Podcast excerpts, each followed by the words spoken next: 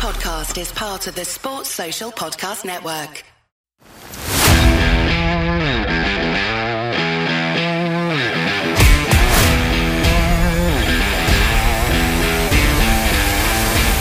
Croeso i podcast Rugby Cymru.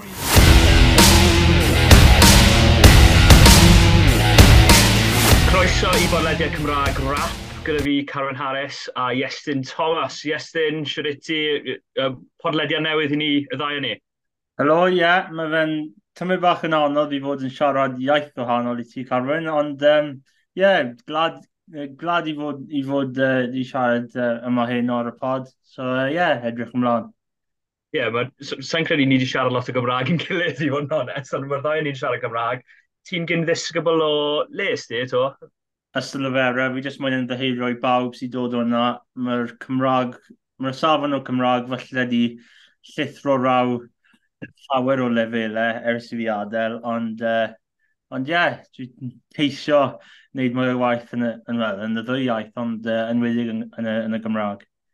Yeah, pwy yw, um, pwy yw uh, chwaraewr enwoca Silfera erbyn nawr?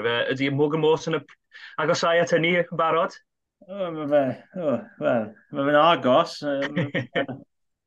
Os mae ma, ma pobl sy'n hoff o pêl drod, byddai yn dweud rhywun fel Ben Davies, ond uh, i cadw at y, y theme rugby, bydd, uh, o, oh, felly, o, oh, Owen Williams just about.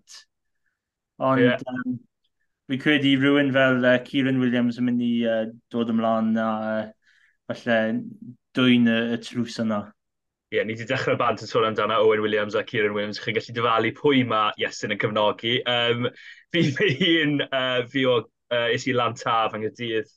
Um, pwy yw probably enwoca yw Jamie Roberts, wrth gwrs, a Robinson, y brodydd Robinson, ond yn fwy ddiweddar. A chi'n fe Teddy Williams, Seb Davis a Johan Lloyd. Wrth gwrs, i newydd symud i'r Scarlett. Uh, Iestyn, be di o'r uh, pre-season, off-season ac yn y blaen? Be ti wedi wneud o y sefyllfa mae'r clybiau yng Nghymru yn ddo yn yr foment? Wel, mae fe'n mynd i fod yn anodd, wrth gwrs, uh, mae'r arian yn mynd i fod bach mwy ten i'r pedwar clwb i gyd, ond um, Wel, yn anffodus, ni ddim gallu gweld un o'r unrhyw gamer uh, pre-season uh, dros y penwthnos. Yn ni yn, yn, ni yn y nôl gwylio Casell Nedd yn erbyn Pont Pontypridd yn yr Indigo Prem. Ond, um, Ond, ond ie, yeah, mae'r ma, ma, ma tymorau diwethaf wedi bod yn anodd yn, yn, well, i, i pob, i'r pob clybiau ers mae cwpl o fel purple patches fel maen nhw'n dweud. Ond, um, ond ie, yeah, fi credu mae'n mynd i fod tymor, tymor anodd arall i'r pedwar clwb. Ie, yeah, fi, fi bach yn fwy yn gobeithol actually ar ôl gweld, gweld y ddwy glwb ar y penwthnos Cyrdydd yn erbyn Scarlett o'n i na yn, yn barc ar arfer nos Wener a o'n i'n disgwyl bod y Scarlett yn rhedeg i ffwrdd o hi. Um, o'n i'n meddwl bod y Scarlett yn bellach ymlaen yn ei yn y, yn y, yn y campaign fel hyfai eleni oherwydd sefyllfa yng Nghydydd, ond na, Cydydd yn illodd 21 i 12 a chwarae teg o'n nhw'n rili really dda. Gan, uh, Dybia, Tynus Dybia, mae fe'n edrych fel chwaraewr dda, fel maswr o'r Pumas. Dwi'n abod lot o fe o Iestyn, neu, neu fel fi, ddim, ddim yn gwybod lot tan uh, nos Wener. Wel, yn i'n nabod y fydd yn chwarae rhyw fath o rygbi yn y, yn y Curry Cup, sydd o dan y, y URC nawr i'r tîm oedd di Africa. A cwpl o pobl yn dweud y fe ddim yn dda, ond, ond, ond, ond, fi, ond fi credu, fel ar ôl gweld beth mae cefnogwyr Caerdydd yn dweud, fi credu mae, mae nhw wedi cael uh, chwaraewyr rather, rather tidy fyna, a, a fi credu just amser i setlo mewn a pethau fel yna, a fi credu bydde'n um, bydde'n dda i, i cael dydd well, pryd mae'r tymor yn, yn dechrau. Ie, yeah, mae balans dda dyn nhw wedyn da. Arwel Robson ddod bant y ca, mae fe'n licio redeg dy'r bel yn ei ddwylo. Fi'n credu mae fe'n... Mae wastad i bod talent y fe, dos. Ti'n gofio fe da'r tîm dan 20 Gymru oedd yn talentog iawn dyn nhw? O, oedd e di chwarae dy dreigiau hefyd. Do, do. Ie. Yeah ni'n cofio fe gwylio fe cwpl o tymorau dy'r dreigiau. Ond, o'n i'n gallu gweld fod chwaraewyr yna, ond fi credu ddim, well, ddim potential dda fe, mae'n gair rang awyr, ond um, credu ddim fel platform i fe datblygu a, a troi lan at y potential yna. A fi credu bydd symud i Caerdydd, bydd um, opsiwn dda i fe, herwydd bydd e yn chwarae bron pob wythnos. Ie, yeah, bydd yn ddiddorol beth sy'n digwydd, cos mae Harry Wilde sydd â nhw fyd, y boi ifanc. Harry Wilde, maen nhw'n sôn amdano fe fel boi talentog yng Nghydydd, a wrth gwrs beth sy'n mynd i ddigwydd â Ben Thomas. Oedd pawb yn sôn cyn, cyn ddechrau'r flwyddyn, falle beth fe byddai'r maswr, ond mae fe'n edrych fel nawr darwel a Tynus to yn dod mewn, taw canolwr maen nhw wele fel deuddeg yw, yw ei brif safle. Ie, yeah, wel, pob o'n y haf yn dweud o fe'n ymuno o'r gwerch, ond dim byd i wneud o na. Ond ie, um, yeah, fi credu bydd uh, canolwr ei, ei safle, dy, dy bia a Arwyl Robson dod mewn. Fi credu bydd uh, Thomas yn, yn, just, yn fel second playmaker type yn, uh, yn, yn, yn y canol. Beth ti wedi wneud mor belled o'r um, pobl mae'n dirwyddo te? Cos mae Sean wedi bod mae fe wedi bod yn anodd dy cydydd yn diwn. Mae wedi ail arwyddo chwaraewyr fel Harry Millard, fel Ray Lilo, ond ddim lot o uh, bechgyd yn ddod mewn. Rhys Litterick felly yn y rheng flan, a uh, Kieran Parker, boi arall o London Irish. Ti wedi gweld lot o nhw ara o'r blaen? Fi ddim wedi gweld llawer o'r ddwy prop i fod, i fod yn onest, ond mae'r chwaraewyr maen nhw wedi ail arwyddo i, i deals newydd fi'n credu mae llawer o potential dyn nhw fel Lucas de la Rua, um, mm. Alex Mann yn enwedig, oedd yn cyn captain y dan ugen. A fi'n credu mae'r rengol, er fod colled o arian mewn y budget i gyd, mae ma rengol dal na, a mae mm. ma Ellis Jenkins na hefyd. A, a fi credu mae fe, mae fe mynd i gael tymor dda i roi platform i'r chwewr ifanc sydd dod mewn. A fi credu mae Alex Mann un o'r chwaraewyr i, i gwylio allan am os chi'n gwylio Cerdydd dros, dros y tymor nesaf. Ie, yeah, fi'n credu bod cael un, uh, wedi chwarae unwaith dros Gyrdydd yn erbyn Harlequins oedd yn gweud nos Wener, yn y gêm na, ti'n gwybod, yn uh, 2021 efe, pryd oedd pawb mas yn deffro cael methu ddod nôl oherwydd Covid a gan y blaen. Um, mae fe'n boi talentog iawn, mae fe'n boi rili really neis i siarad a rhaid, rhaid dweud yn ei fyd a Mackenzie Martin fel wythwr, mae fe'n edrych fel talent hefyd. A sôn am y chwaraewyr yma, ond o flaen nhw mae Botham, mae Thomas Young, mae Ellis Jenkins yn ei sôn Falatow wrth gwrs. A Shane Lewis Hughes felly, oedd e'n wario ail reng ar y penwthnos, ond felly bydd e'n wario reng ôl. So, gymaint o opsiynau dyn nhw. Os, um, tyma, gymaint o opsiynau dyn nhw'n reng ôl, ond os dal gwacter o chwaraewyr yn rhai sefleoedd arall? Um, Wel, fi ddim yn siŵr, ond mae ma Rengol yn un diddorol gan fod falle mae Matt Shearat mynd i roi profiad i'r chwaraewyr ifanc neu mae fyny dal ati dy'r dy'r um, chwaraewyr profiadol. Ond falle y, re, y tri yn y cefn, fi ddim yn siŵr amdano mae llawer. Of gwrs mae Josh Adams yn cwpan y byd, mae Mason Grady yn cwpan y byd, ond mae dydy Owen Lane, Theo Cabango, Matthew Morgan. Oce, okay, mae'r um, full-back position, maen nhw'n uh, Beetham a Cam Wynette, so maen nhw'n mm. maen nhw'n sorted yn fyna. Ond falle y ysgellwyd arall, ddim yn siŵr mae Aled Summerhill dyn nhw wrth gwrs, ond falle un mwy, jyst i roi bach o, bach mwy wmff i'r uh, i'r uh, olwyr. Ie, yeah, fi'n fi fan mawr o Aled Summerhill, fi'n credu mae fe'n chwarae o'r dda, ond wedyn um, yr sgellwyr eraill, Theo yn wych ar y penwthnos, doi gais a mae'r ail un yn absolute, mae fe'n pert, mae fe'n mor pert, os mae rhywun wedi gweld e ar uh, cyfryngau cymdeithasol neu beth fel like, fel ni. Um, Ti'n mwyn symud ymlaen o gydydd a sôn am dy hoff, dy hoff uh, dîm, y gwelch? O, ie. o. Mae ma dyn ni tymor o gymau, fe nhw bron di ennill a colli gan bwynt neu ddau, a wedyn gêm cynta yn uh, pre-season, maen nhw'n golli o bwynt, so uh, fi, fi, fi mwyn o hapus i siarad amdano Caerdydd, ond uh, os, os mae ma rhaid, um, mae'n y, y, y tymor, well, y, y diwedd y tymor diwetha, really anodd y gwych, yn nhw wedi cael performio dda yn erbyn Saracens yn um, mm. Europe. A wedyn, gemau yn erbyn Ceredin a Caerdydd, yn nhw ddim yn dda o gwbl. Um, yeah. Yr unig beth oedd yn mynd yn dda i nhw oedd y, oedd y sgarmes ac um, dim byd arall uh, wedi uh, mynd, mynd yn dda. Um, mae ma llawer o chwarae wedi adael. Um, y rai jyst i symud ymlaen fel AWJ, Rhys Webb, Gareth Anscombe wedi symud i Japan. A wedyn mae, mae dwy sydd yn colled uh, fawr i, i, yn personol, uh, Michael Collins, fi credu idde yn chwaraewyr dda. Um, fe gallu chwarae mewn llawer o safle. A wedyn yr un oedd really wedi e, uh, hwn o punch. Oedd y dydd ar ôl y Saracens game, oedd Exeter wedi uh, roi ar, ei, uh, ar, ar Twitter fod nhw wedi ymuno at uh, Ethan Roots. A ni'n meddwl, oh, great, great. A Oherwydd, oedd Roots yn briliant yn erbyn uh, Saracens. A fi credu tymor arall yn, yn Cymru, yn fed gallu bod yn chwaraewyr really, really dda. Ond fel dy pob rhan bach, really, bydd mwy o opsiynau dy'r chwaraewyr ifanc sydd yn, sydd yn dod mewn. Chi di uh, dweud yn barod dan y Morgan Moss, fi'n big fan.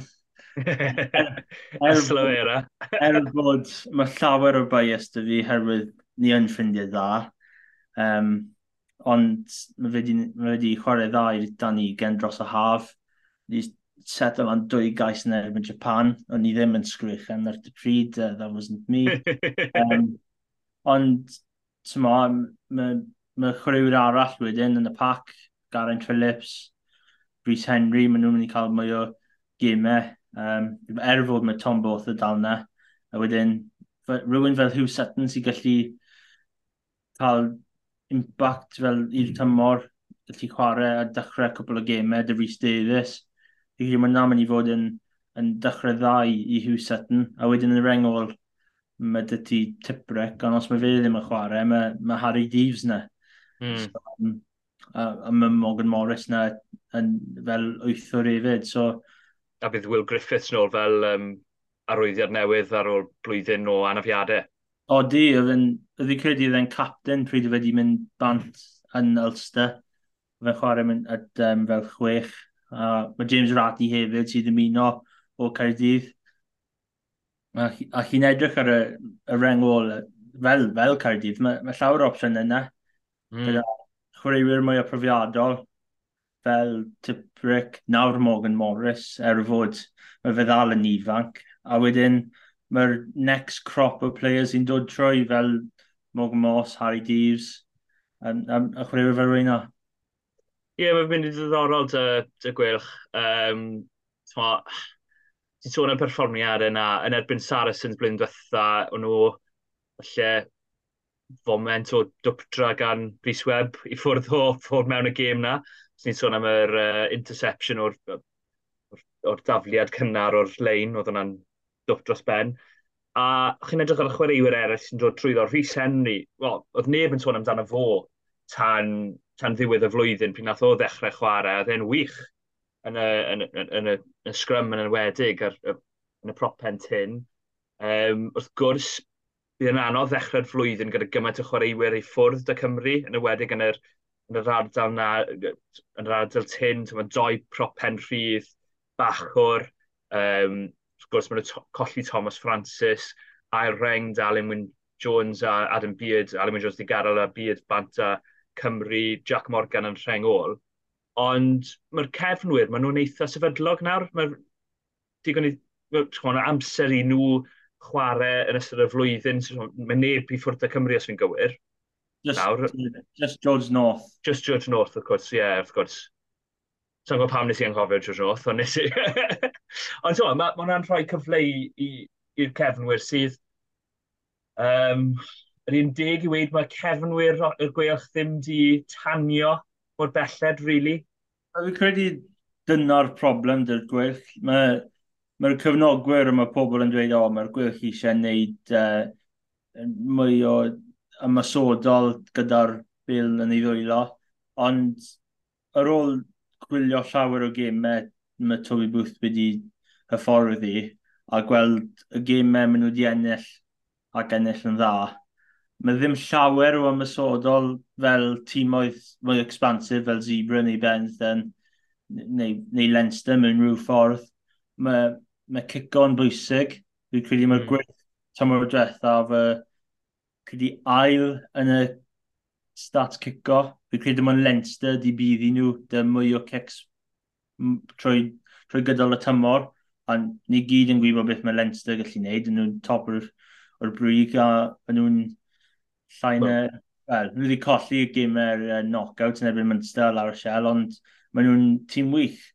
A yeah. fi'n credu dyna beth mae Booth eisiau, Wel, dim troi nôl ato, ond fi'n credu ar y degau tymor diwetha, nhw ceisio wneud mwy o symudiadau masodol a falle ddim angen nhw ar y pryd.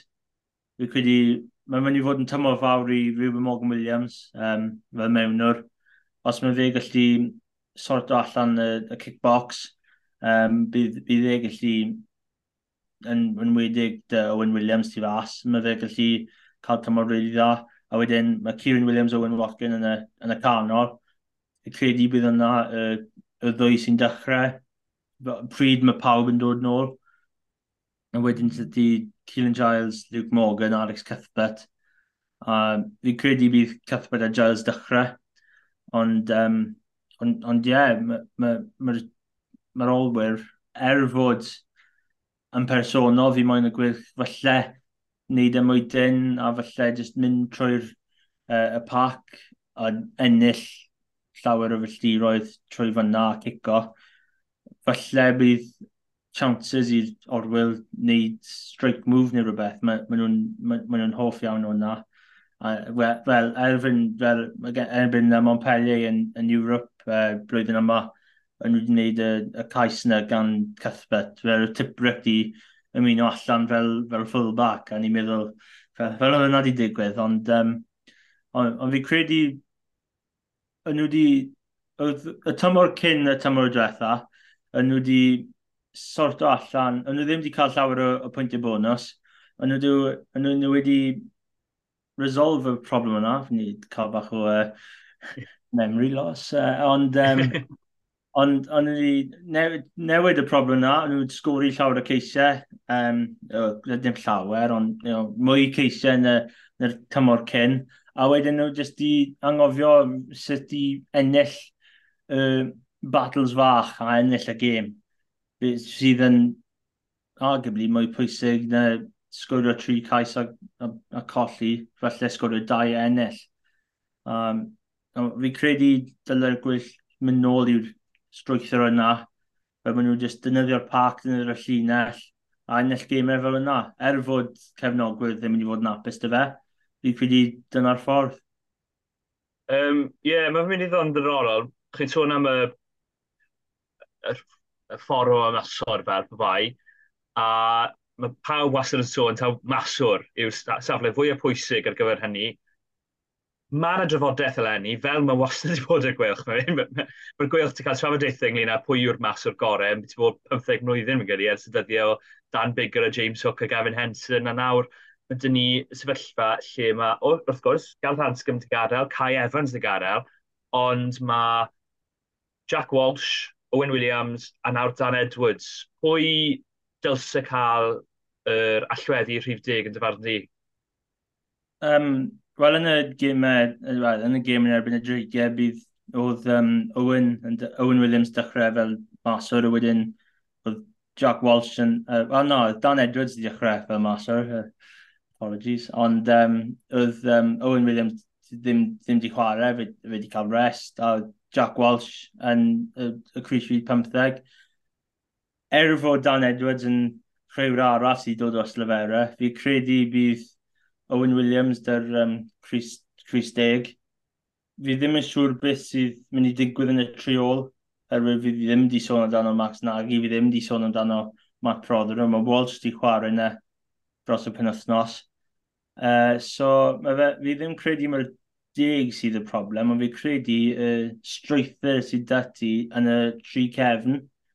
Mm. Os ti'n cael rhywun fel Cuthbert, ti eisiau rhywun fel Jais ar y asgell arall, fel, fel mae'r perfformiad perfformiadau dda tam mae'r diwetha di, di gweld. Mae, mae Giles wedi fod ar y chwith a mae Cuthbert wedi fod ar y dde.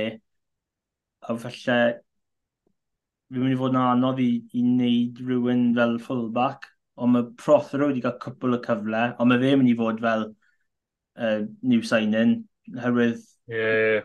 ni, ddim, di llaw, ddim di chwarae llawer o rygbi. A uh, wedyn mae dyty Max Nagy, um, Bum Walsh gallu chwarae yna, a Iesyn Hawkins hefyd, sy'n jyst i arwyddo con uh, contract newydd. So mae'n mynd i fod yn diddorol i, i Toby Booth i i dewis ei, ei tîm i chwarae wel, nos Wener yn cyntaf yn erbyn Caerdydd, a wedyn yn erbyn Connacht yn Galway yn y rhwng cyntaf o'r UAC. Ie, yeah, bydd yn diddorol, cos mae ma nhw'n newid y rwyddo o Africa yn dyn nhw o um, fristefyd, mae ma fi'n gallu wario yn rheol. Fi, I fi, fi fi moyn gweld Dan Edwards yn dechrau. Fi'n creu, fi creu mae fe'n mor dalentog. Ti'n gweld ar tîm Danigen, mae fe'n gallu rheoli gêm, mae fe'n mae cico fe'n dda, oedd hi ar, ar y tŷ ac, ac o'i lawe. Mae pas, ma gen pasio rili really dda gyda fe. Mae'n rheoli'r blaenwyr, rheoli'r orwyr. Sa'n gweld ardal o'i gêm sydd ddim yn gweithio falle am ddiffynol, gallai fe gwella, wrth gwrs. A dyna'r ardal mae Owen Williams yn gryf iawn ynddo, chwarae teg, oherwydd mae wedi chwarae deuddeg gymaint. Um, ond bydd fi moyn gweld fwy o Dan Edwards yn cael cyfle eleni oherwydd sy'n credu bod fe wedi bod i wario i'r gwylch. A mae wedi bod yn ers to, ers y fod efo'n ifag. So, ie, yeah, Dan Edwards i fi yw'r dewis, ond wrth gwrs gyda Jack Walsh a'r byd bynnag mae fe arno a Owen Williams fyd, mae fe'n anodd wedyn i nhw uh, ddim cynnwys nhw yn yr e, uh, 23 yn enwedig. Um, ni wedi sôn lawer fyna am y ddwy dîm yna. Newn ni symud i Gymru gyntaf cyn dod ôl i'r felly Scarlett ar, ar drigiau, cos mae tîm Cymru dod mas yn othos ma, ywan, yn othos ma, dillun bach o syndod, yna? Ie. Yeah, Ti'n disgwyl ti mas? Oedd um, sioc i'r system pryd oedd dad i anfon neges i fi dweud uh, interest in team, so um, i scramblo at uh, fy ffôn i, i ceisio ffeindio allan beth oedd y tîm, a mae Gatland i penderfynu tîm o'r dillun sydd um, yn diddorol. Um, of course, mae Cymru wedi cael dechrau dda i'r Cwpan y Byd, ddwy wynd y pwynt bonus yn erbyn Fiji a Portugal, a wedyn uh, bydd y goliaeth fawr yn erbyn uh, Australia. Um, a wedyn mae, mae gêm di sad yn erbyn Portugal, uh, Georgia, uh, a mae dim ond angen pwynt i ddyn nhw top o'r grŵp. A mae, mae nhw'n mynd sefyllfa dda fi'n meddwl. Um, mae un o dwy neu tair, felly tair tîm maen nhw gallu chwarae yn y, yn y corderi. Ond um, mae'r uh, mae tîm yn un, un cyffroes fi'n meddwl. Mae, mae, mae er fod nhw wedi colli i, jo, i Georgia blwyddyn diwetha, yn ni cofio yna herwydd ni yn y press box, a dyna gêm cyntaf Cymru fi yn y press box. A... so ti sydd ar bai efo? Solled i Georgia yn gatre, ie, yeah, I'll probably take one for the team fel maen nhw'n dweud. Ond ie, yeah, mae ma Dewi Lake nôl, fi credu mae Jack Morgan falle uh, um, amlacio uh, dros, y, dros, dros y penwthnos. A mae ma, ma Tommy Reffel yn mynd i dod mewn. You know, mae ma, ma, ma, ma nhw ddau yn chwaraewyr really dda. Mae ma yeah. Thomas Williams dy, dy chance fel um, mewnwr. Er, fi credu mae ma Gareth Davis wedi chwarae rygbi really dda dros y yn, yn, yn wedig yn, yn erbyn Australia.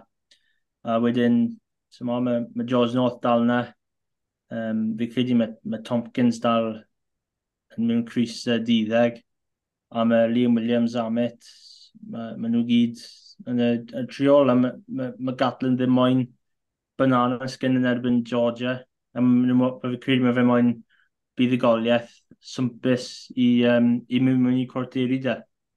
Ie, yeah, chwech newid yw e, ynddo e. So, um, Rio Dyer mewn ar asgell lle Josh Adams, Uh, Garhan Sgym yn dechrau o flaen Dan Bigge, wrth gwrs Dan Bigge mae dau fe'r anaf yw pec, so'n siŵr beth yw hwnna yng Nghymraeg, so we'll go for pectoral muscle. Um, um, Thomas Williams mewn lle Garth Davies fel nes i sôn, Toy Reffel, um, David Jenkins o flaen Adam Beard, fi'n siŵr bydd hwnna herwydd Adam Beard newydd cael plentyn bach arall yn diwedd, so uh, fi'n gyrru oedd hwnna dechrau wrthnos ytha, so nes i fe helpu mas da, newid, newid diapers ac yn y blaen. A wedyn, um, Dewi Lake, fel ysdi sôn yn dod mewn am Ryan Elias. Cain sôn am y chwaraewyr sydd wedi dod mewn fyna, mae fe fwy am y chwaraewyr sydd wedi dod mas, fi'n credu. Gareth Davies, mae wedi bod yn wych o'r belled, fi'n credu, mae fe wedi dangos yn union pam nath Gatlin dod fe'n nôl yn amddiffynol, ti'n gweld fe'n ryngipio, ti'n gweld fe'n taclo fel blaen y sgellio, mae fe wedi bod yn anhygoel yn, yn amddiffyn ac yn ymosod, fe wedi sgori eisiau fyd.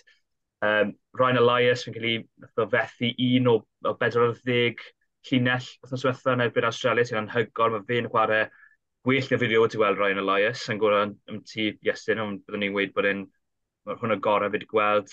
Ar un byd, fel ti'n dweud, mae'r fesym na Jack Morgan wa.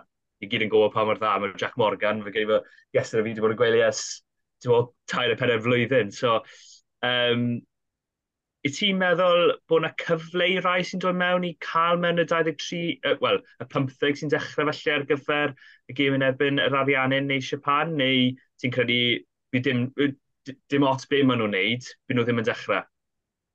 Um, Fi'n credu mae, mae Gatland wedi dod â fel approach i, i ymlapio roi chwaraewyr. Mae bigger, mae Anna dy fe, mae Josh Adams i redeg bob man dros y, dros y, y dechrau'r cwpan y byd a mae, mae, mae, mae llawer o rygbi dy fe, dy fe di cael. Fi'n credu mae fe'n syniad dda i dechrau ffal y taw. Um, gan, gan bod mae, mae yw rygbi o, o dan ei belt a mae fe gallu momentum yn, yn dal i, i, i dringo fyny. A felly mae, mae cwpl o cyfleoedd felly fi ddim siŵr dy rhyw dau e. Fi'n credu mae fe jyst mewn i wneud job A fi, oherwydd, mm. fi jyst credu mae Adams mynd i, fi, fi credu bydd Gatlin yn tybu i ddim roi lle i Adams yn, yn y cwarteri. Um, fi gallu dweud cwbl yn y parc, David Jenkins, mae, mae chance dy fe. Um, mae pobl wedi fod bach yn, um, bach yn critical o Adam Beard, ond oedd wedi cael llawer o pobl i fyny yn erbyn Australia. Um, chance i Dewi Lake, of course, co-captain, ond uh, mae fe ddim, mae fe ddim drilled dy fe yn y 23 yn erbyn uh, Australia, a mae, mae, mae chance dy fe dy arweiniaeth hefyd i, um, i really roi profi pwynt i falle roi ei hunan mewn y trafo, trafodaeth dy'r um, am y, am y cwarteri, ond fi'n siŵr mae'r ma, trafodaeth am y tri bachwr. Um, y gêm Australia hefyd, er fod tymau bach o pobl yn dweud fod Lake dy knock bach, ond um, a fi'n siŵr bydd trafodaeth dy Gatland a, um, a'r um, coaches i gyd uh, amdano'r tri ohonyn nhw. Yr ymeli, mm. di chwarae'n dda hefyd, trwy, trwy gydol y haf, a mae wedi dechrau dda yn y cwpan y byd. Um, a fi credu mae'r mae bach, mae safle bach o'r yn really anodd i, i really no, um, predict. Oh, I, um, yeah, mae'r air yna wedi gadael fi hef, hefyd. Ond fi'n fi, fi cytuno dy ti, y, y peth da bach o'r fi'n creu, dyna y reswm pam y dewi ddim yn wario yw i linellau fe. O, fi'n credu bod mwy syml yna. You know, Hwna a falle rannaf mae wedi cael. Gwyd rana fe wedi dal yn ôl ychydig. Falle mae ddim wedi cael y cyfleoedd bydde fe wedi. Ond mae ffordd mae di wedi bod yn taflu mewn o'n ffordd mae'r lais wedi bod yn taflu mewn. Mae'n anodd i, i, i gael ei ddewis. Um, yn ywedig os ti'n edrych ar ystadegau taclo um, Elias a gallu di dros y bil, wedyn byw uh, ydy uh, yn Saesneg i ddefnyddio'r um, phrase point of difference. So, point of difference uh, leic yw i gario fe, yn dweud. Mae fe'n ma fe well gario rhan o ddau arall, mae hwnna'n amlwg. Ond ydy hwnna'n digon i um, i gael y cydbwysedd yn ôl oherwydd mae, mae, mae linellau fe bach yn wanach ar y foment, ti'n credu? Um, o, fi ddim yn siŵr, oherwydd bydd yn sicr fod lec yn, yn gweithio ar ei, ar ei llinell, bydd yna'n digwydd trwy tro gydol i arfa, ond um, falle sgrym hefyd, mae Elias um, dy mantais hefyd, mae llawer o pobl yn dweud fod Elias yn rili really dda mewn, mewn y sgrym er fod yn bach hmm. bachwr, wrth gwrs. Uh, felly bydde ddim yn cael yr un, yr un sort of uh, uh, credit yr dwy prop o'i ochr, herwydd well, mae'r ma, ma, ma, ma ma sgrym yn gythio fel, fel, fel wyth, dim fel, dim fel dau pobl sydd ar flan ar y bob ochr. Um, ond ie, yeah, so ma, fi'n credu mae'r Elias, they're all-round game fel nhw'n dweud just yn eidio lec y bach. A fi credu os mae, os mae lec yn, yn, yn just gwneud bach mwy o waith ar ei llinell, a fi'n siŵr mae fe yn, byddai'n really agos. Pwy bydd y well ti weld yn y chwarteri? Arianna neu Japan?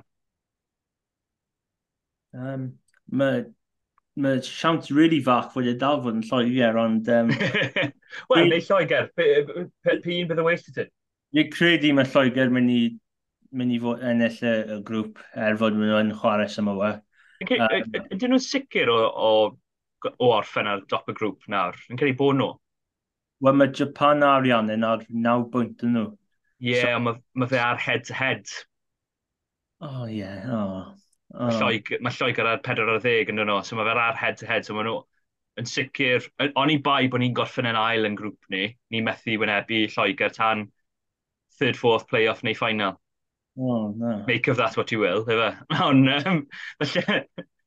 Bydd, um, fi credu bydd pobl yn dros y, dros y wlad yn uh, mewn um, sioc os mae Cymru a Lloegr yn y, yn y ffainal, ond um, os bydd fi'n pigo un tîm, o, fi credu mae Japan di fod fel under radar dros, dros y tournament, fi credu mae nhw'n chwarae rygbi dda yn mewn y degau. Fi'n credu mae cico nhw wedi fod yn really dda.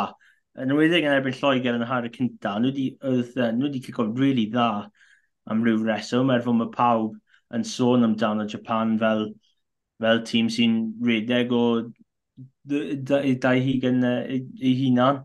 Um, Ariannu'n di fod yn bit mwy diddorol gan fod fi ddim credu mae Czech wedi cael llawer o sgwad mae wedi pend, uh, pigo, uh, pigo. Uh, fi credu mae'r Rugby Championship, nhw wedi cael tymor uh, Rugby Championship really dda, nhw wedi bydd i Australia, a nhw wedi oh. bron ennill mewn De Africa. Os nhw wedi yeah. cael pwyntiau nhw, nhw wedi ennill yn De Africa, fel yn nath Cymru neu blwyddyn diwetha. Uh, ond mae, bydde personol, bydde moyn Japan, herwydd gall ariannau'n troi lan a bydd i chi gan cwpl o scores. A yna beth sy'n um, yn fy meddwl ar y foment, fi credu mae ariannau'n falle, maen nhw'n mynd i troi lan a mae Cymru mynd i fod y, y tîm sydd yn mynd i fod ar ochr arall a, a colli.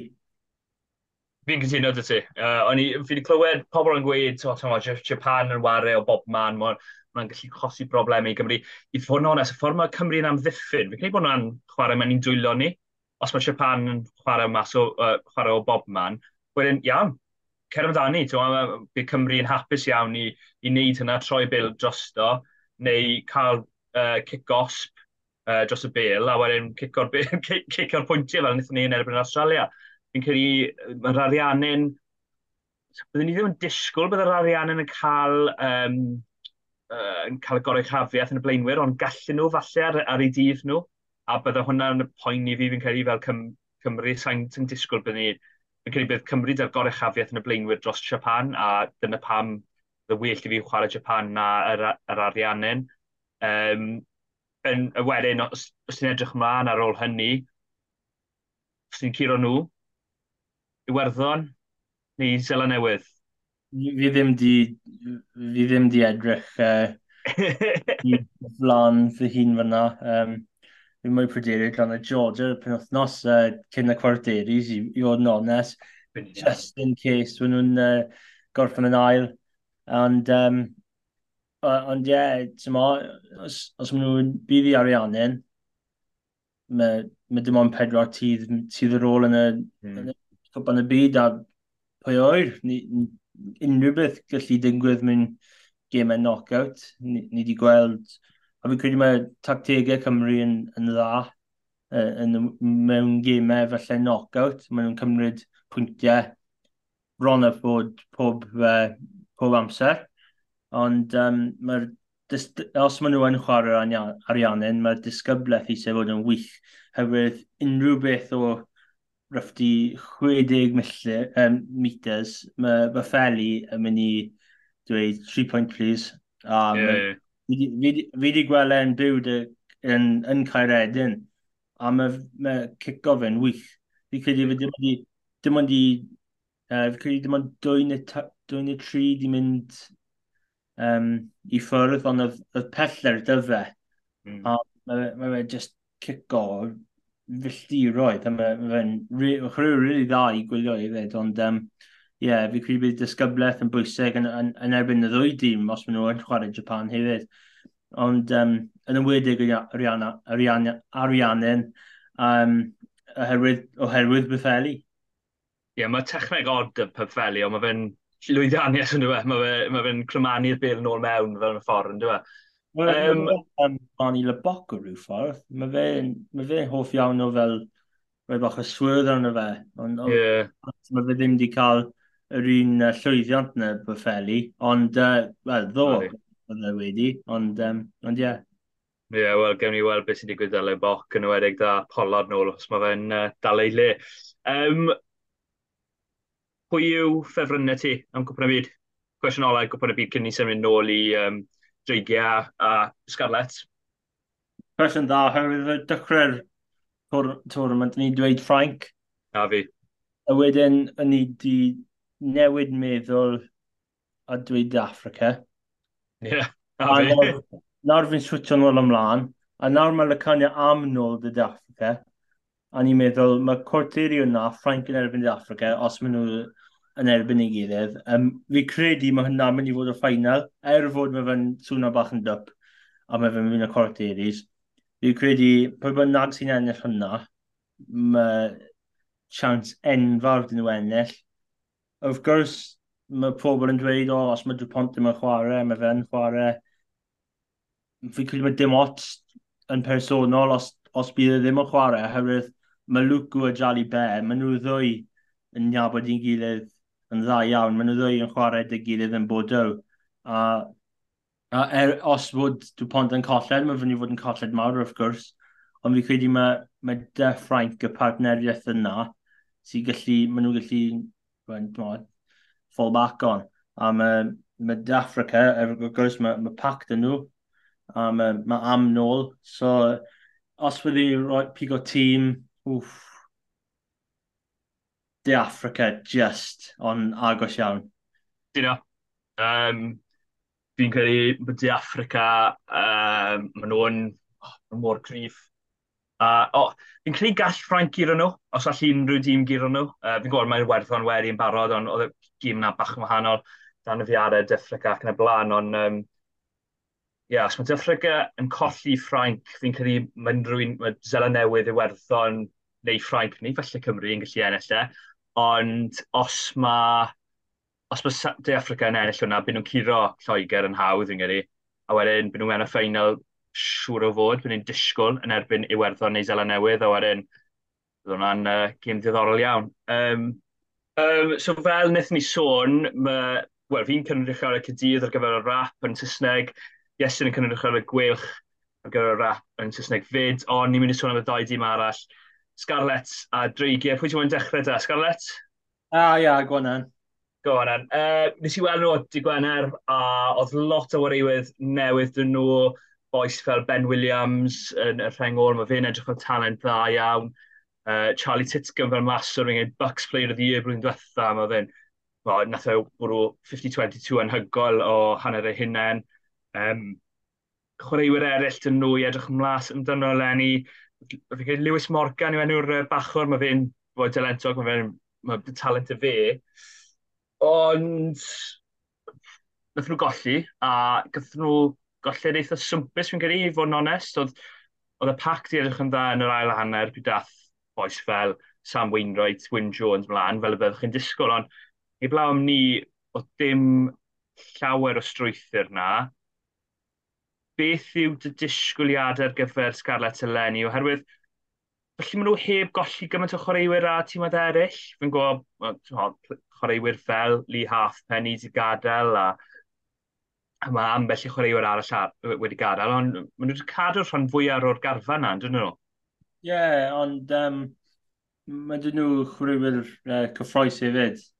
A fi ddim wedi gwneud unrhyw amcan amdano'r unrhyw beth dy ran bant tre eto. Fi'n credu mae dy fi wythnos mwy cyn i, i fi wneud unrhyw, unrhyw beth uh, radical fel yna. Ond, um, ond ie, yeah, mae ma Johan Lloyd i'n un o'n nhw o uh, Bristol.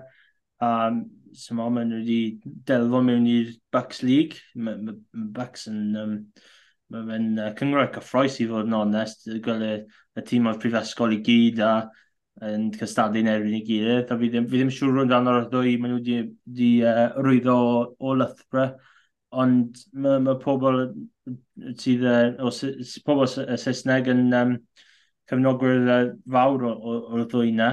Ond, um, ond ie, yeah, falle, mae fel mwy, mwy, mwy o beth sydd wedi digwydd tam o dretha, mae'r ma uh, olwyr dyn nhw sy'n gallu creu rhywbeth uh, allan o dim byd a falle bydd aelodau'r parc sydd dod nôl fel Calum Affoni, Fafita, o fel Calamafoni wedi gadael. Uh, whoops. Um, um, ond, um, bydd e'n golled mawr bydd e. Ond mae dal dyn nhw Fafita, mae dal dyn nhw lawsi, mae'r ma, ma ddwy na yn, yn chwaraewyr dda iawn. A mae falle bod ni'n gallu gweld mwy o Calvin Twy Pelotw mm. uh, fel, fel wythwr. Um, Josh McLeod yn Alton Fit yn flwyddyn, bydd hwnna'n neis i weld. Wel, mae ma, ma, ma rhywun un o um, dilynwyr fi o Trydan, pob amser mae ma Josh McLeod yn dechrau gêm, mae fe'n anfon neges i fi a dweud, faint mor hir mae McLeod mynd i aros ar. mae'n really anffodus. O, really. Mae ma anafiadau yn dod i Josh McLeod yn boenus ti hwnt. Ni'n cofio pryd o fe'n ennill i cap gyntaf i Gymru Ie, ie. Oedd wedi wneud ei cilis i e, ddiddeg munud wedyn. Fi credu dde cap cynta dde. Oedd yn erbyn Georgia yr un gêm. Fi'n credu, nath o fethu i'w chwarae yn y gap gynta wrth gwrs blynyddoedd nôl yn erbyn yr Alban. Oedd e fod dechrau, oedd e cael ei enwi yn y tîm o dydd, Fi'n wain gweud, di mercher, a erbyn nos Wener, oedd e mas o tîm. A Anna, mae ma fi wedi bod mor anffodus. Os Mae fe'n cael flwyddyn o ware, bydd e so, hyd yn oed haf yma, mae fe mewn y carfan eang ar gyfer cwpan y byd, mae fe'n cael anaf yn eitha gynnar, a mae fe mas o'r carfan. Sa'n gwyd, to, mae blaen ysgellir goddad dda Cymru mas na yn, yn, yn, yn gwmpar y byd ar y foment, a falle bydde fe ddim wedi wneud, ond bydde neis i wele cael y cyfle. Um, fi'n fan mowr o'n fe, fi'n meddwl lot o'n fe, fel Dan Davies hefyd, mae fe'n chwarae o'r gwrdd dda yn fel blaen ysgelliwr, fi'n edrych ymlaen i nhw. Um, yr un deg i weid bod nhw wedi arwyddo'n dda, boes fel Ed Scrag, mae hwnna'n edrych fel arwyddiad dda yn yr ail reng hefyd. Ie, yeah, fi'n credu mae, mae Scrag mynd i roi rhywbeth gwahanol. Ni'n gweld lawsi a um, fy ffita yn neud pethau dyle ail reng ddim neud, fel hmm. offloads a pethau fel yna sydd just ddim yn cywir i fod yn onest, ond maen nhw'n neud e. A, a fi'n credu mae Scrag mynd i roi rhywbeth gwahanol. Fi'n credu mae fynd i roi mwy o um, mwy o competition i, i, i, i, i, i yn yr ai rang, a hefyd, um, hefyd mwy o waith yn y, yn y sgarmes, yn wedig yn amddiffynol, a mae fe, mae fe opsiwn gwahanol i, os mae fe'n game 10, a mae falle dealing mae'n mynd i fynd, a falle just taflu fe ar y cae, a mae fe gallu ennill uh, key moments sydd yn, sydd yn really pwysig, a fi credu mae Dan nhw chwaraewyr rili really da yn y, yn y nolwyr hefyd. Ni wedi sôn amdano Johan Lloyd, uh, Joe Roberts, fan fawr o John Roberts i fod yn onest. Um, mae dyn nhw dal dyn nhw chwaraewyr fel Tom Rogers hefyd, sydd sy gallu gorio llawer o ceisiau. Be oedd bright spark nhw ar y penwthnos, oedd e'n edrych yn... Um, oedd ambell i wareiwr yn edrych bach yn rydlyd, beth bedrysti fel maen nhw'n gweud Saesneg, a oedd e'n fe'n edrych fel oedd e'n barod i fynd, ti'n barod am y flwyddyn newydd. Um, mae so, ma llawer o bobl yn sôn amdano Eddie James eleni. Um, mae fe'n edrych fel wedi rhoi bach o bwysau arno, mae fe'n edrych fel, mae fe'n ffit. Fi'n fi lico Eddie James o weled a tîm dan, dan 20 a, a ffordd nath o'n perfformio tuag at ddiwedd y flwyddyn i Scarlett blyn diwetha. Tewa, dim tewa, llon llawer o'r mae'n cael mor belled i ddysgara. So mae'n edrych fel dalent go ddau nhw, ond mae gymaint o gystadleuaeth nhw yn y safle yna. Os chi'n meddwl am Scott Williams, wrth gwrs, Johnny Williams, falle Jonathan Davis, os mae fe'n dod mewn uh, canolwr mewnol um, 30. Ond, ie, yeah, mae'r ma, ma olwyr yn mynd i fod yn ddiddorol dyn nhw y, y cwestiwn yw, ydyn nhw wedi colli bach o brofiad eleni gyda Callum O'Ffwni, Shingler, half byn ni'n gadael, a falle bydd hwnna'n costi nhw bach. Mae sôn falle bydd Ken Owens mach, mas tan um, wel, diwedd y flwyddyn, falle rhagfyr, ond falle bach yn gynt os mae fe'n dod nôl o gwbl. Ie, yeah, mae'n ma, golled lawr, lawr y gapiau fyna. Mae'n anodd i, i roi um, fel benchmark o pryd mae Ken Owens mynd i dod nôl. Mae fe wedi cael cwbl o anafiadau really wael yn y, yn y cwbl tymorau diwetha. So, felly fydd ysgafrau yn edrych at cwbl y, y, dyfodol i, i, i fod yn onest, er fod nhw wedi codi llawer o profiad. Uh, Smod, fel ti wedi dweud, Eddie James, Joe Roberts, falle bod hwnna yw'r partneriaeth yn y canol, a mae hwnna'n partneriaeth cyffroes i, hmm. i, mm. i, yn, yn, i, i fod yn onest. A, a fi credu, mo, yn, y, yn y pac, mae ma Sean e, Evans, mae fe dal, mae fe'n flico nôl ymlaen ar ôl bach o'r neu rengol. Fi ddim siŵr pa safle mae fe'n nawr. Mae llawer, ma llawer yna'n digwydd yn Cymru, i fod yn onest. Dion Free of the, uh, of the Wales World, efe? Free a Van Straden, ond uh, yeah. Cymru wedi gwneud e cynta, so after that, Razi Erasmus. Ond, um, yeah, sy'n mawr, y dyfodol, edrych ar y dyfodol i Scarlett. O'n i'n siarad â uh, Academy uh, coach Cyrdydd, Griff Rhys, yn byti bachwr, cos mae llawer y bachwyr nawr, fel Dewi Lake ac yn y blaen, yn symud o rengol i bachwr. A ti'n gwybod y, y, y, dyfyniad enwog na gan um, no one wants to be a Gary Neville, no one wants to be a right back. Mae fel na yng Nghymru yn Misty Bachwyr, ynddo fe? Neb yn mm. moyn bod yn fachwr, mae pawb bod yn reng, rengol ar ôl yr Warburtons, Martin Williams ac yn y blaen. Felly, um, gen i weld, fi'n fi, fi, fi, fi gobeithio ar gyfer uh, Scarlett, fi'n cael ei anafiadau sy'n mynd i gosti nhw, uh, os mae'n rhywbeth.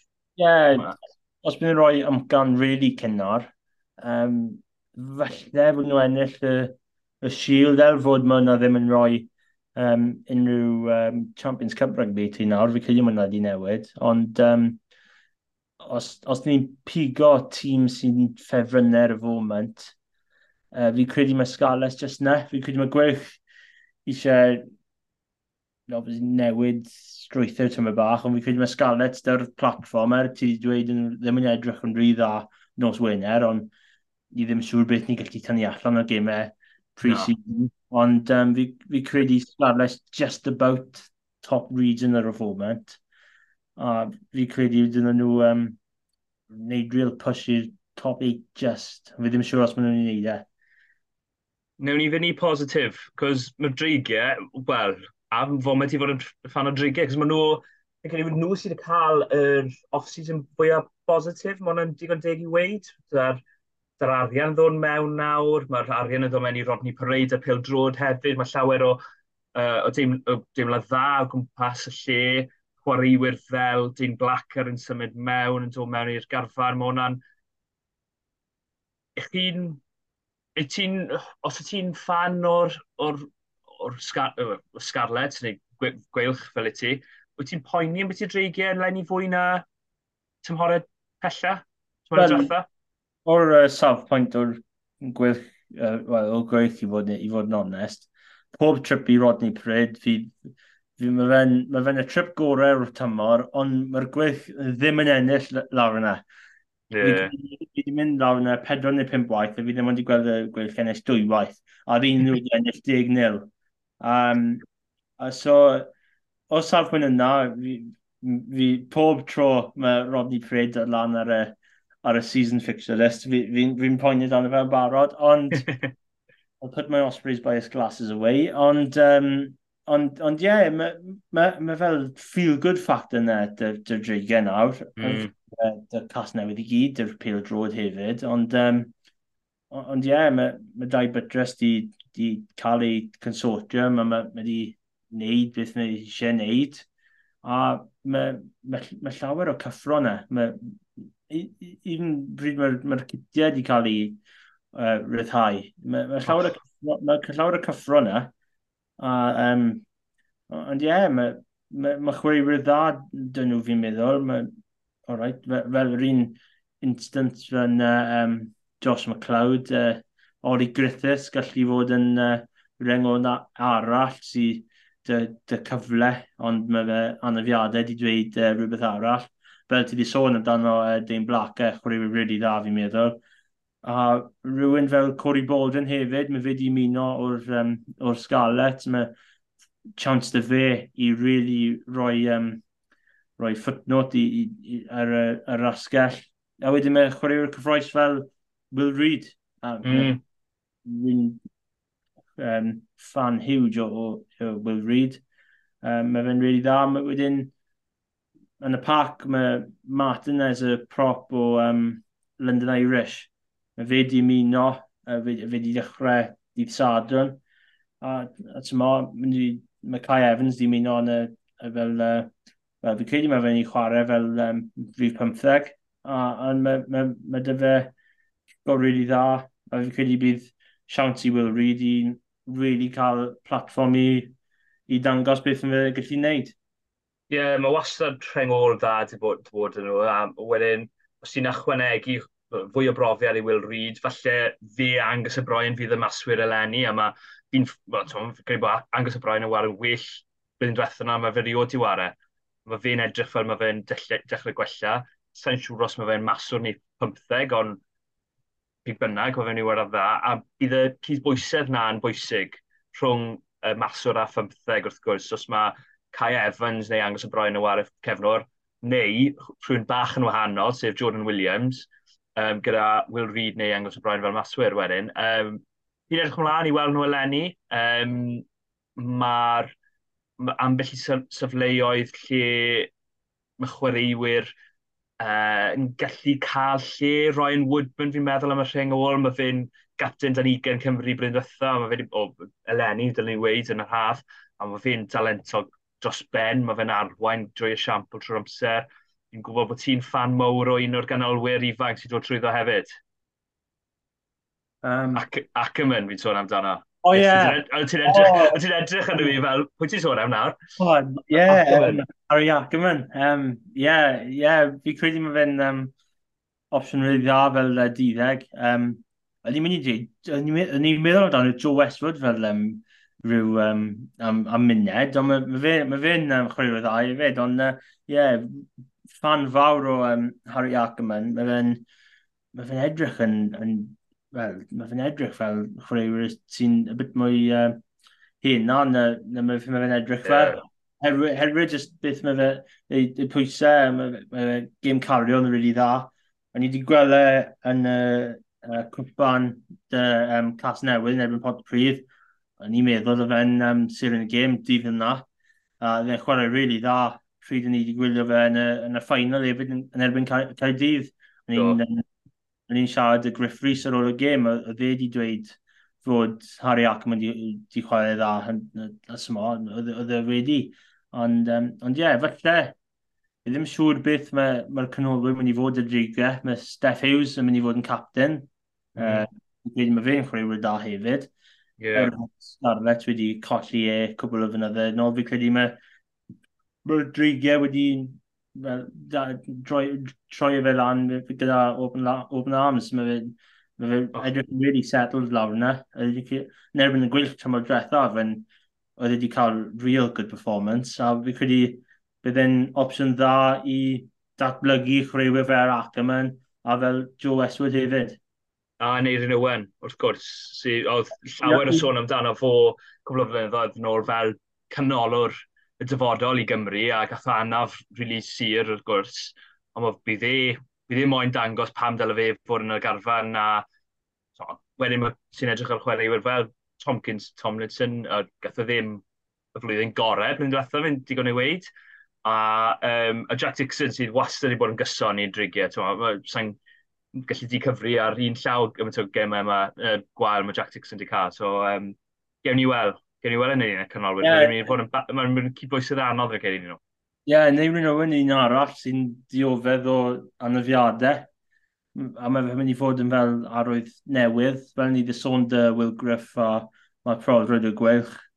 Uh, siŵr, mae ma, ma, uh, Neirin Owen un arall fel yna, sydd ddim wedi chwarae llawer o rygbi dros y tymhorau diwetha, ond pryd mae fe mewn dy bach o ffitrwydd thiole, fi credu mae fe'n chwewyr really da. A er fod fi wedi sôn amdano ac yma'n jyst nawr, falle fydd yn Eirin Owen dy'r Cris uh, Diddeg ar y ddechrau tymor os, os mae fe ffitrwydd uh, lan at lefelau sut mae dau fflan y gan eisiau.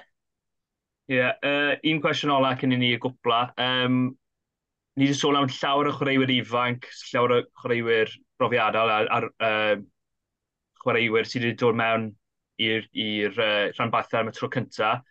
Pwy yw chwaraewr i edrych mas amdano eleni? Pwy yw'r un ti'n meddwl, o falle mae'r mae uh, cefnogwyr heb glywed amdano fe, ond fe yw'r un sy'n mynd i cael breakthrough season fel nhw'n gwneud yn Saesneg? Cwestiwn da, her mae llawer o opsiynau, ond fi ddim siŵr, smos, fi'n dweud rhywun o'r uh, tîm dan ugen, Smo, fi ddim siŵr faint o gemau maen nhw'n mynd i cael. Dy'r ranbarth felly mae fynd i chwarae cwpl o gemau dy'r dy'r tîm clwb uh, neu, neu, neu falle ar y faint o, o fi ddim siŵr.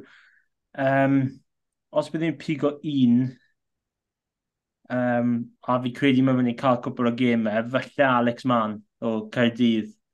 Mae fi'n gallu chwarae dros y rengol i gyd. Er fod mae chwaraewyr mwy cyffroes, well, ddim, dim byd uh, yn erbyn uh, Alex Mann. Ond falle mae chwaraewyr mae cyffroes. Uh, fi credu mae Mann mynd i cael cwpl o gemau dy'r dy tîm Cardydd yn y, yn y UAC. A fi credu bydd, um, bydd uh, cyfle i fe dechrau mewn uh, gemau fawr dy llawer o pobl fel Falataw, fel Thomas Young, a falle fe fel, fel chwech. Ie, yeah, uh, fi'n gysylltu Alex Mann yn gofyn gwbl, ond fi'n mynd i siarad amdano brwydr yma prif dig, mae Anscom ddim yn mynd i fod yn gallu wario yn y chwe glad, bigger wrth gwrs yn ymddeol. Mae lle na yn y garfan yn gystal â falle Costello neu Owen Williams, os mae fe'n cael lle, i fod yn y garfan na um, ar adeg Ionawr a Chwefror. Edrych mas yn Will Reid wrth gwrs fel ni wedi sôn, Dan Edwards i'r boi i fi, fi'n edrych mlaen amdano fe a Iwan Lloyd. Fi'n credu bydd brwydr uh, fawr rhwng y tri o nhw, i gael mewn i'r garfan na ar gyfer y chwe glad, ond ie, yeah, Dan Edwards yw'r un fi'n mynd i enwi, cos fi'n uh, fan môr ohono fe, fi'n gobeithiol iawn i weld yn, yn Cris Gymru yn y dyforol. Wrth gwrs, ych chi wedi uh, enwi rhywun sydd wedi dod o ysgol Yslyfera, wrth gwrs. Maen nhw fel, well, nhw fel conveyor belt nawr. her maen nhw um, mewn y cyngrau newydd, mae fel conveyor belt sydd dod allan. A wedyn pobl fel fi, so fi ddim siŵr fel fi wedi ffito mewn i'r uh, i, i fe i gyd, i fod yn onest, ond, uh, ond ie, yeah, just, uh, fi ddim siŵr beth sy'n sy digwydd iawn na, ond... Uh, yeah. yeah, wel, brwydr rhwng uh, uh, uh, Yslafer a falle Glantaf ar gyfer Cris 30 Cymru bydd yn y dyfodol rhwng Dan Edwards a Iwan Lloyd. Anyway, wrth i ni, falle, fi mwyn gadael ar bwnc hapus fel bod ni'n dod nôl o phrosesau dal, dal yn dal yn gilydd. Um, Wel, diolch yn fawr am rando. Fi wedi mwynhau hwn yn gyfan gwbl. A Iestyn, amser, yr un amser wythnos nesaf? Ie, uh, yeah. uh, just mae'n dweud uh, diolch i bawb sydd wedi uh, ymuno mewn dyn ni. Um, real, uh, really, really uh, yn, yn um, anffodus i, i, i pobl sydd uh, nawr gallu clywed fi uh, yn siarad amdano rygbi mewn ddwy iaith, nid just un. Uh, so mae hwnna'n anffodus i rai, ond uh, mae tuff fan nhw'n dweud. Uh, gwneud yn siŵr fod chi'n uh, dilyn, well, fi a Carwyn ar social media, ond bach o shameless plug, ond uh, there we are. uh, ond uh, fi siŵr chi gallu gweld uh, y rap ar pob uh, cyfryngau cymdeithasol, a os chi'n mwynhau, gallu rhoi right, like neu, uh, neu rate os chi'n moyn. Os, os chi'n meddwl fod Carwyn wedi gwneud job dda, chi gallu uh, rhoi cwpl o ser i fe. I wouldn't say that myself, but there we are. Uh, Ond uh, os, os chi uh, os chi'n mwynhau y uh, pod Cymraeg, uh, chi, chi gallu uh, muno dyn ni wythnos nesaf pwy ni'n siarad amdano mwy amdano Rygbi Cymru a gobeithio uh, ennill uh, gêm yn erbyn Georgia ar di Sadwn. Unrhyw i Weston Thomas, mae Carwyn wedi fod uh, yn uh, gest dda heddi a gobeithio chi gallu ymuno ni uh, wythnos nesaf. Hwyl am y tro.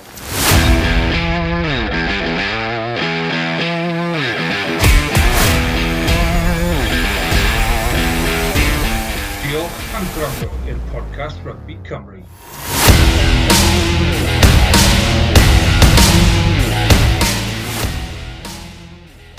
Sports Social Podcast Network.